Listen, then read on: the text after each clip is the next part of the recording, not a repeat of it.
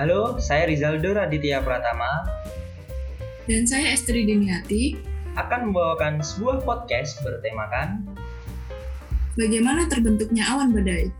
Stay tune kawan-kawan sekalian.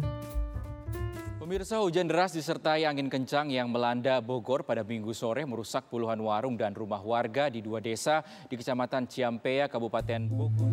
Eh, lagi dengerin apa dong? Ini es, akhir-akhir ini banyak banget ya berita soal banjir akibat hujan lebat.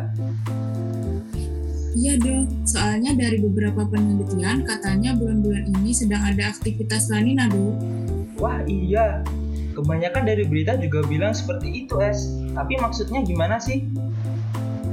Jadi di Samudra Pasifik di bagian timur Indonesia mempunyai namanya kolam air hangat, di mana di kolam itu memiliki suhu yang lebih tinggi dari biasanya, Do.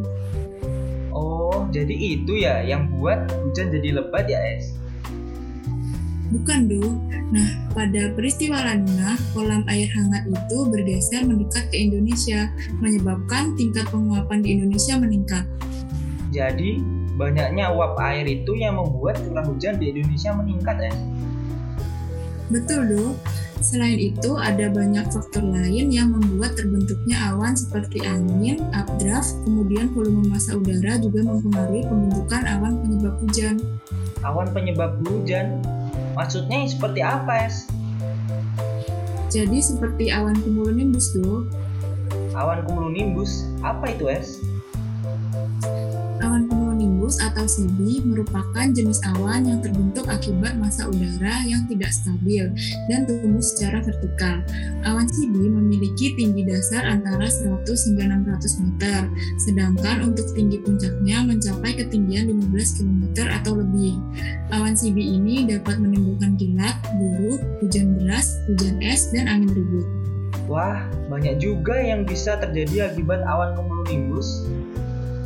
Iya dong, tapi tahu nggak sih seperti makhluk hidup awan cumulonimbus sebelum bisa menghasilkan hujan juga mengalami pertumbuhan loh.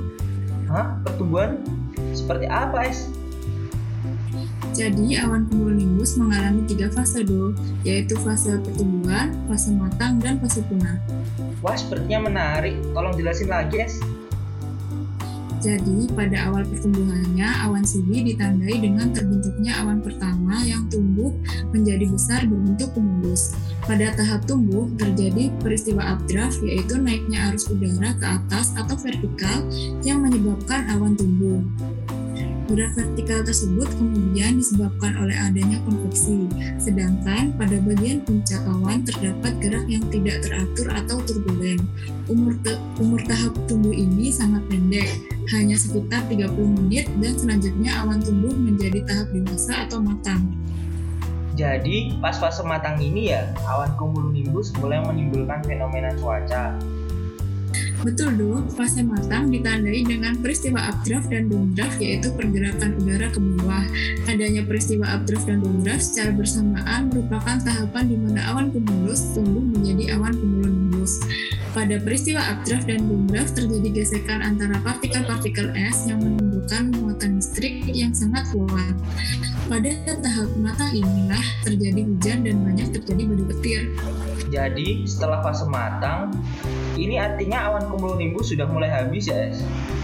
Ya do, fase punah ini ditandai dengan melemahnya badai guntur dan intensitas hujan berkurang. Pada tahap ini juga biasanya bagian puncak awan yang menyebar akan menjadi awan tinggi. Hal inilah yang menandakan berakhirnya masa hidup awan CB.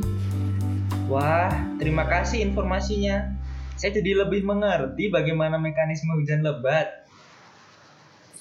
Iya do, jadi kita harus lebih waspada dan berjaga-jaga terhadap kejadian hujan lebat seperti ini. Oke lah, Es. Aku mau lanjut. Mau cari informasi lagi mengenai hujan lebat.